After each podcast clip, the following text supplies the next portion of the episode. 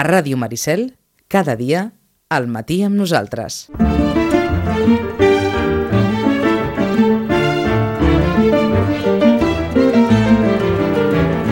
I ahir, des del Gremi de Llibreters de Barcelona, ja s'anunciava un, un Sant Jordi més o menys, més o menys, com l'any passat, perquè encara no podrem tenir un Sant Jordi com el del 2019. I no ho podrem tenir perquè, perquè encara estem com estem. I vindrà Setmana Santa i vindrà Pasqua i les caramelles i molt probablement també tocaran unes caramelles allò en el fur intern. En fi, Rosana Lluc, bon dia, bona hora. Bon dia. Es veu venir un Sant Jordi com, com el de l'any passat, eh? Com a- de l'any passat vols dir els de, el, el, el que es va celebrar el Eh, juliol? Allò que es va mig celebrar el juliol, sí. Sí, Sí. una, una espècie de Sant Jordi, no? Una, exacte, una espècie de Sant Jordi, perquè, perquè ara estem vivint una espècie de tot, una espècie de carnaval, una espècie de Nadal, una espècie de Reis, Sí, una espècie de, de, de tot, eh?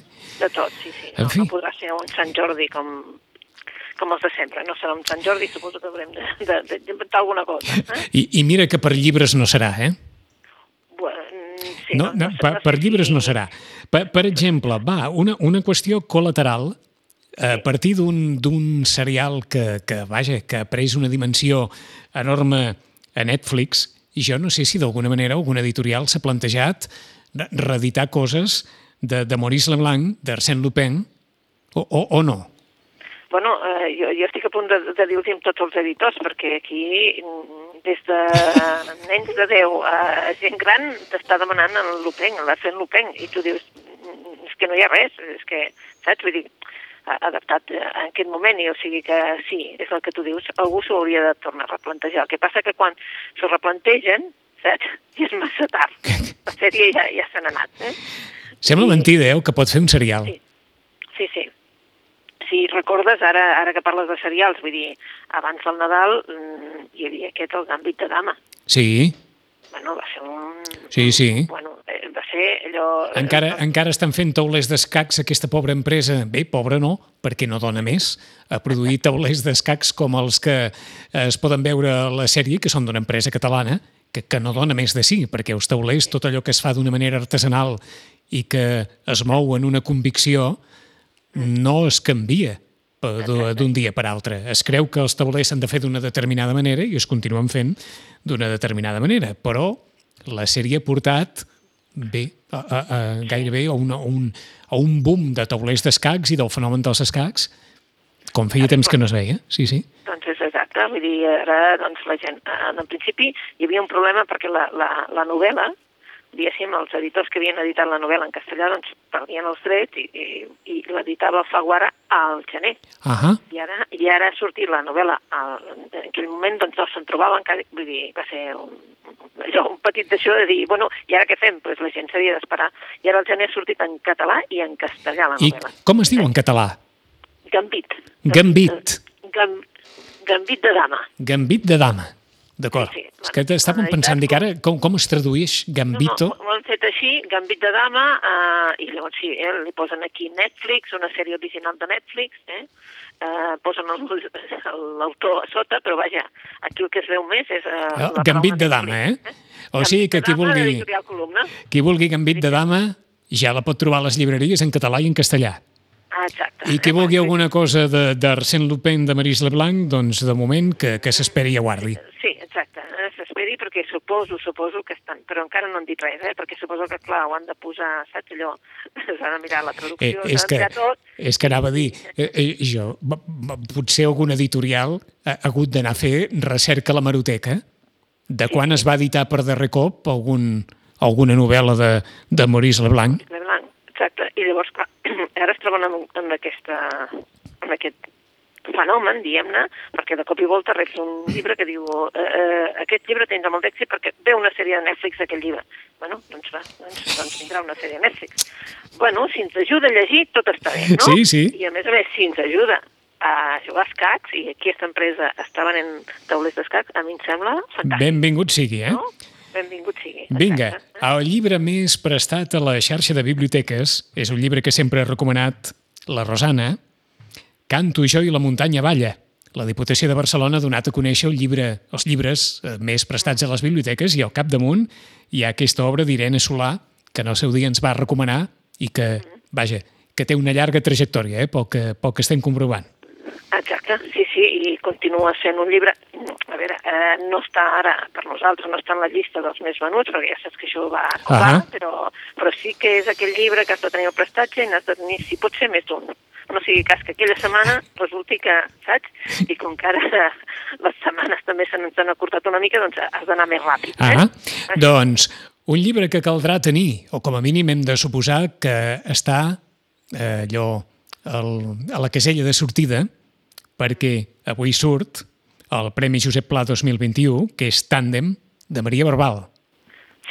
Surt, en- encara no ha arribat, eh, aquest sí que sabem que surt avui, encara no ha arribat, però sí que és cert que com a premi ja, ja té diversos, diversos clients que han demanat com a comanda de dir que quan surti se'ls avisi. Mhm. Vull dir que ja, ja ha creat certa... Expectació, certa expectació, eh? Perquè ja és cert que des de Pedra de Tartera, la Maria Barbal, ja té un cert públic que ja la, la va seguint, no? per dir-ho d'alguna manera, i per tant doncs, ja, ja ha creat certa expectació. Doncs vinga, t'ho poso també, bé, no sé si t'ho poso fàcil o difícil, però demà es donarà a conèixer el Premi Òmnium Cultural a la millor novel·la de l'any. Tres candidates. Boulder, d'Eva Baltasar, La Drecera, de Miquel Martín i La Mar Rodona, de Sebastià Parelló. Si n'haguessis d'escollir, Um, escolliria la drecera, em sembla. La Drecera? Escolliria la drecera, sí.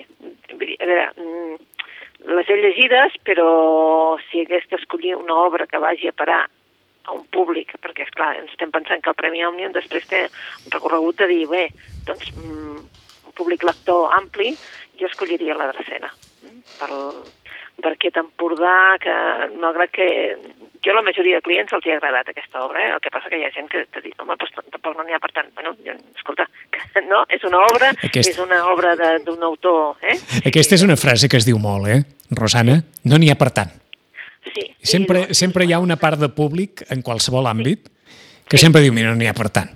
Eh, sí, però eh, eh, vull dir, aquest despertar del nen, o sigui, saps allò, el nen que, que, que va creixent i que tu vas veient, doncs aquest Empordà que també va creixent i tal, a, mi m'ha agradat, a mi m'ha agradat, la Mhm. veritat és que em va agradar, Eh, no vol dir que, que no m'hagin agradat les altres dues, però jo sí penso que així com a més recorregut potser la drecera. Vinga. També perquè és un autor que comença, eh? vull dir, com aquell que diu, pues, eh, potser sí, no, ara, no sé, eh? tampoc no, no sé què donaran, però ja saps que les novel·les que, que són Premi normalment tenen un recorregut ampli. Mm, funcionen bé. Sí, Funcionen bé. Doncs, ja que parlaves d'un autor que comença, doncs vinga, un autor que comença, jo no sé si t'ha sorprès o no, que Gerard Quintana s'hagi endut el Premi Ramon Llull, l'home que va viure dues vegades. Aquesta és la novel·la de Gerard Quintana, de, de, del líder de Sopa de Cabra, amb la qual s'ha estrenat en el món de la, de la literatura i que ha despertat també doncs, una certa controvèrsia, eh? Per, per allò que va des d'aquells que diuen mira, és que tothom, que tothom escriu, ara, o a tothom li donen premis, ara, fins a aquells que va, valoren, veu que potser hi havia una vocació que encara no havia despertat d'aquesta manera.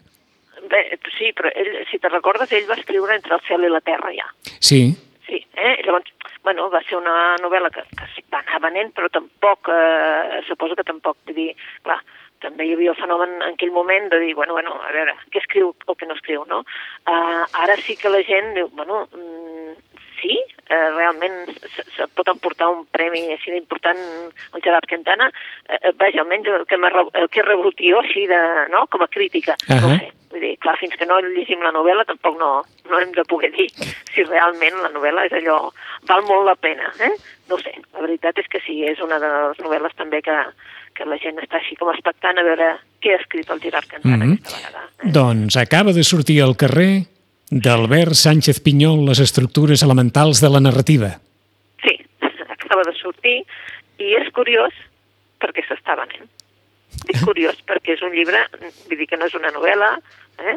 no, és, eh, no ens he acostumat amb això i com que és un llibre, doncs, això, penso que, que és curiós i s'està venent. L'Albert Sánchez Pineol també és d'aquells autors que sigui perquè doncs, eh, els segueixen a través de les seves connexions a la ràdio o, al diari, doncs eh, és un autor que també és molt apreciat pels lectors. Mm. O sigui que, que quedi clar, eh, per si algú va despistat i diu oh, mira, de la pell freda i el de Victus, no és una novel·la que es digui les estructures elementals de la narrativa, és un llibre... Espera, espera, em sembla, eh? Vull dir, jo no, tal com m'ho va pintar l'editor, que m'ho va enviar l'editor, no sé si potser valdria la pena mirar-ho, però, però jo diria que no, que no la tenim situada en la narrativa. D'acord. Sí que s'hem equivocat nosaltres, però... però eh... Per això t'ho pregunto així d'una forma molt explícita, dic a veure que no... No, no, eh, no, no, aquest llibre, no, no, és, és així, eh? no, no, és, no és una novel·la, és, és com, com s'escriu una història, no? Entesos. Uh, uh, com s'han escrit, com s'escriuran, és, és això que, que us deia, que no sent una novel·la, eh, déu nhi que, que es pugui... A més, la, la, la portada és allò especial, eh? Exacte, sí, sí, ho, ho diem així. Eh? Aquest, aquest, és un, aquest és un llibre per a aquells que tenen ganes d'escriure. Sí, exacte. Eh? Eh, eh, I segons diu la crònica de l'Ara, aquest llibre no explica com s'escriu una història, aquest llibre explica com s'escriuen totes les grans històries que s'han escrit i que mai s'escriuran i per què han captivat milions i milions de lectors. Exacte, sí. Eh? Vull dir, així... I ell mateix, i ell mateix diu que segurament ha escrit aquest llibre per dos motius, perquè aquells que comencen a escriure no hagin de passar pel mateix suplici que jo, i sobretot perquè els lectors gaudeixin el doble de les seves lectures. Doncs és una proposta... Diferent. Eh? Diferent. Una proposta, a més a més, una proposta, una bona proposta pels lectors, això és veritat. Eh? Mm -hmm. Les estructures elementals de la narrativa. I apuntem encara eh, dues coses més que m'han cridat molt l'atenció. Un llibre d'en Mario Serra titulat Bibliofàgia, sí. Conte essencial, un llibre comestible per protestar contra el tancament de les llibreries. Aquest encara jo rebut. Do, doncs jo, és el primer cop que, que, que sento parlar d'un llibre comestible i segon que es veu que ha sortit per primer cop en català un clàssic de William Peter Blatty, L'exorcista, Sí, en versió catalana, sí. que, que no, es veu que no s'havia traduït mai i, i, i un clàssic com L'exorcista, que sobretot es va fer popular arran de l'adaptació cinematogràfica, també es pot trobar en català ja. Veus, ja, ja passava això, eh? Fa anys ja passava Sí. una, una, pe- bueno, una pel·lícula... Sí, perquè la, la, una pel·lícula, eh? la pel·lícula és del 73, o sigui que Sí, sí. la pel·lícula té, té gairebé 50 anys. Sí, sí, per això et dic, vull dir que ja passava que una pel·lícula doncs, eh, portés un públic eh, cap a la llibreria, arrastrés un públic cap a la llibreria que potser tampoc no, no hi hagués entrat mai. No? Està clar, està clar que sí. Bé, fent el llistat de novetats, per on seguim, Rosana? Novetats, recomanacions, per on ens vulguis portar?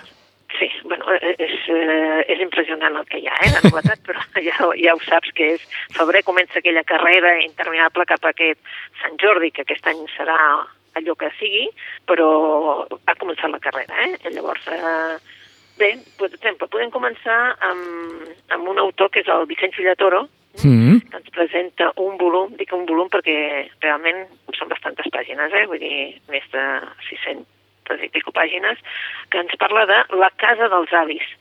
Ell va començar, si ens en recordem, amb aquell un home que se'n va, que ens parlava de l'avi patern del Villatoro, vale? que venia des de Casa del Río, de, de Còrdoba, emigrava cap a Terrassa, i emigrava ja gran, emigrava ja gran i emigrava amb tota la família perquè volia doncs, un altre futur per la família, a més a més, vull dir, una mica venia a amagar-se perquè, mm, diguéssim, hi havia una condena sobre, sobre ell, no? Vull dir, era una època dura, una època convulsa, la guerra, i per tant, doncs, eh, després de la guerra, i ell venia cap aquí a Terrassa. Bé, doncs, eh, després, entremig, eh, el Villatoro va escriure El retorn dels Bassat, que diguéssim que no era de la seva família, però sí de la família dels Lluís Bassat, no? d'aquesta família jueva i tot, tot aquest eh, llegat cultural que tenia la, la família, que el Lluís va dir que gràcies a Villatoro se n'havia enterat de moltes coses de la seva família, havia sí. recuperat història, eh? perquè connexions amb l'Albert Cohen, etc etc. vull dir que Bé, i ara ens apareix amb una altra que és la casa dels avis. I la casa dels avis són els altres avis, els avis materns. I els avis materns són, eren de Canet de Mar, i llavors emigren cap a Terrassa. No? Llavors és això, eh, és una, una mena de, de, de, de record de tot el que ha estat la seva família, d'aquests sentiments d'algú que vol retornar, malgrat que estigui molt a prop, vol retornar cap a la casa familiar, eh, i llavors és una mica, doncs això, no?, eh, recordar aquests personatges, que ell era manyà, que ell era nuadora, que eren republicans, que se sentien molt catalans, que, que primer van veure que, que venia la república, després van veure la guerra, i, i una mica és aquesta experiència de, de, de, de tota una vida, no? Uh -huh. La casa dels avis és uh, això, no? Una gent arrelada molt a la terra i que li van inculcar això amb el Vicenç. Vinga, seguim. Sí, seguim. Seguim amb una novel·la que o sigui, anem d'aquí, anem cap a França, però a França una autora que és al- algeriana i eh, ve de l'Alger i eh, ja és la segona novel·la que aquí es publica, que es va publicar Les nostres riqueses, que va ser menció especial del Premi Llibreter fa dos anys, i eh, que parlava d'un... bé, de desmuntar una llibreria famosíssima Argel, que era aquell de les nostres riqueses, una, Mm. una novel·la preciosa. Que recordo I que ens vas recomanar també en el seu dia. Exacte, i ara ens publica Pedres a la butxaca. Periscopi la, la fa en català i en castellà la fa Asteroide, alhora. Eh? I Pedres a la butxaca ens parla d'una noia, una noia de l'Alger, que mm, quan ja té edat eh, emigra a França buscant un futur millor per a ella, vale? els pares, doncs, mm, bé, es pensaven que seria només una estada i, re, i després se n'adonen que la filla ja ha marxat, diguéssim, que li costa molt tornar al Alger, i ara, doncs, mm, ha de tornar a l'Alger, mm, i el pare ja no hi és, només hi ha la mare, i torna a l'Alger perquè ha de tornar, eh? Mhm. Està plantejant perquè la seva germana es casa. Mm? Llavors, clar, com que és tota una cerimònia i tal, i, i és la insistència de la mare i aquesta mare tan present, malgrat que estigui lluny, que només truca i truca i, i, i, i la fa recordar que, que ella pertany a un altre lloc, quan ella en realitat ja està doncs, a, a París, viu a París, té una feina a París, i viu en un apartament molt petit i té una sèrie de relacions. Relacions, diguem-ne, molt poques, eh? Fora de la feina, molt poques, i se n'adona del que és del que és la seva vida i del que seria si fos el G o si ella... Saps aquella contradicció de dir Sí. on soc, on soc, on m'he quedat? De tota, I és un, tota aquesta gent que es queda enmig i que porta aquestes pedres a la butxaca eh, em recorda la Virginia Woolf, vale, que anava carregada de pedres Mm. per, per enfonsar-se al riu. És aquestes pedres que hauríem d'anar traient, eh, que es carreguen a la vida i que ens les hauríem d'anar traient. Una narració que també us recomanem perquè està molt, molt ben escrita. Tornem a recordar l'autora, Rosana. Sí, és Kautomer Adini. Cautor, Cauter, perdona, Adini. eh? Cautef Adini. Adini, Adini és el cognom, sí. Mm? I bé, Pedres a la butxaca. pedres a la butxaca, sí. Per on seguim? Per on seguim? Bueno, no sé si seguir per un... perquè resulta que estava mirant els llibres eh, ahir, eh, els llibres nous i tal, i em trobo amb una novel·la nova d'un autor que no coneixia de res, que la veig que està en català, també en castellà, Albert Bertran Bas. I miro qui és aquest noi i resulta que el teniu aquí Sitges com a director de comunicació del port de, de Sitges Aigua Dols. L'Albert Bertran ha escrit, un, ha escrit un llibre? Sí, ja el pots trucar i dir Oh, i tant, oh, i tant, que se trucarem. Aquí, eh? O sigui que jo només t'apunto que l'Albert Bertran ha escrit un llibre, que ha escrit un llibre que li han publicat a Roca, editorial, Sí, i bé, que parla doncs d'una família de Barcelona durant la Guerra Civil i, i un nen, sobretot el nen, l'Homer, que és un nen adolescent de 15 anys que es queda sol, eh? i llavors és tota una sèrie de... Bé, jo no cal que l'expliqui, doncs, però pensa que l'Albert Bertran, eh, que tingui la ràdio, i per això he pensat això, li haig de dir al Vicenç i, i els ciutadans que tenen un autor aquí a Sitges ara mateix que acaba de publicar La memòria ets tu. la memòria ets tu. La memòria ets tu, sí. Mm? Bé, doncs... Ara, ara teniu, fa- eh? faríem valer aquella frase feta de no ho haguéssim dit mai. Bé, doncs, no ho haguéssim dit mai i benvingut sigui. Perquè, perquè vaja, no sé si... Diria que l'ha escrit en castellà, Vicenç, de tota manera, eh? D'acord. La memòria, castellà. la memòria eres tu? La memòria eres tu, sí, la memòria eres tu, eh? Però penseu, doncs, que fa doble esforç, hm? perquè està escrit en castellà i en català, està traduït al català també. D'acord. Vale? O sigui que jo, jo l'he agafat en català, però veig que és una traducció. O sigui Ahà. que, eh? Vull dir que, que l'ha escrit en castellà i si l'editorial, a més a més, hi pensa tant que la tradueix al català, a mi em sembla que alguna cosa deu tenir la novel·la. Eh? Sí, perquè si no, aquest desembarcament en, en els dos idiomes no acostuma a succeir si no, no, hi ha un convenciment, eh? Exacte, i a més a més sembla que és una primera novel·la, per tant, eh, encara menys, eh? encara menys de, de fer tot aquest eh, desembarcament i Sí, sí. més, un roc editorial que té, doncs bé, una xarxa de distribució que és Penguin, o sigui que és molt, molt gran, saps? I per tant, bé, ja ho sabeu, doncs. Eh? Doncs, d'Albert Bertran, la memòria Memòria eres tu. Sí. Un viaje único por la historia de España a través de los ojos de un chico de 15 años. I després, un petit apunt, eh, aquesta col·lecció, dic col·lecció perquè sí que ho és, la, la col·lecció del FAR, d'Angle Editorial, Mhm. es va publicant parletes, eh? es va publicant parletes i m'ha fet gràcia que publiquessin una novel·la perquè després costa trobar novel·les més clàssiques, per dir-ho d'alguna manera, al català. Eh? Això sempre ho hem parlat. Doncs acaben de publicar així, una novel·la especial, diguem-ne, per si hi ha una novel·la que és especial, és aquesta, L'illa del doctor Moró, Uh, del Wells. Eh?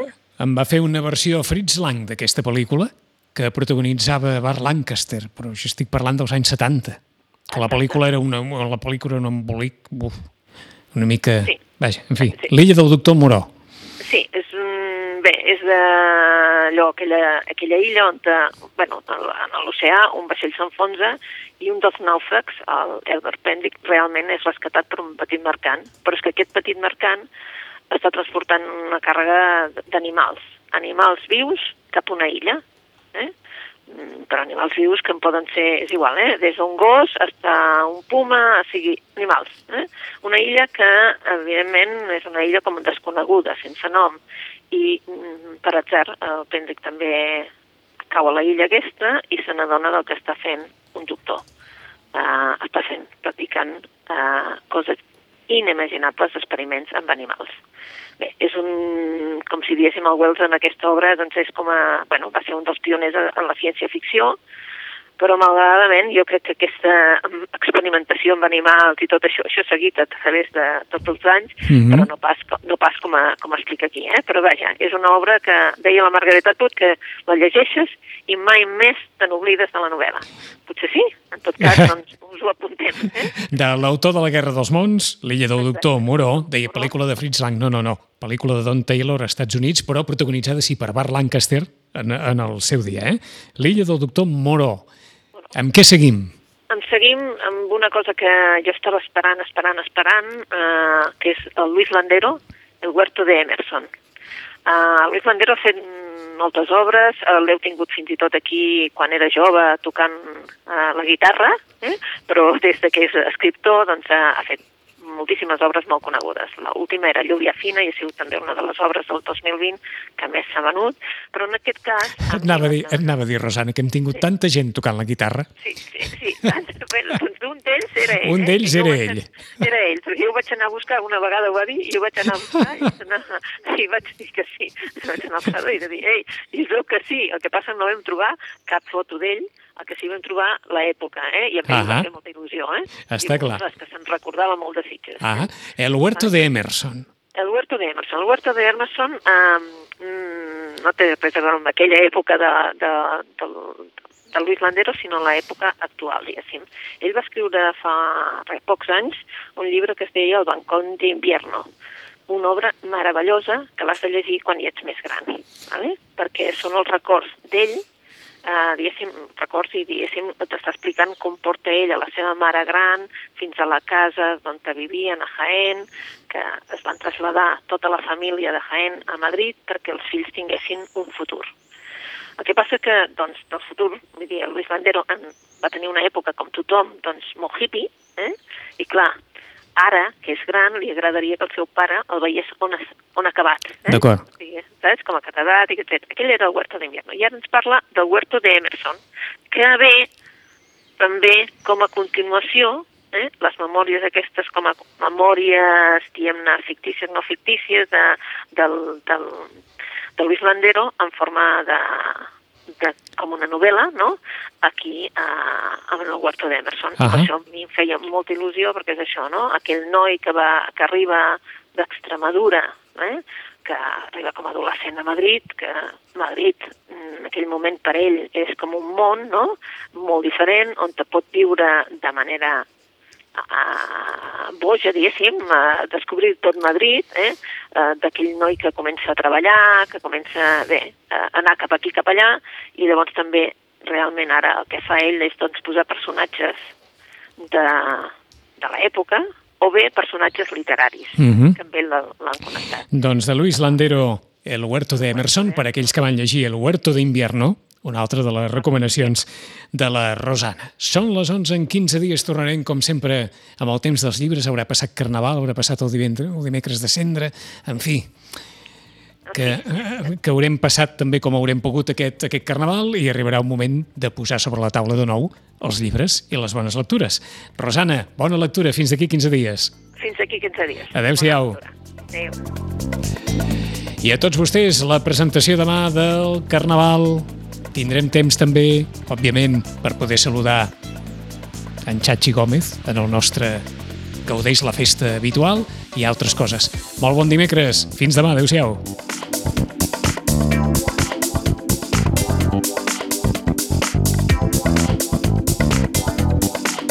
A Ràdio Maricel, cada dia, al matí amb nosaltres.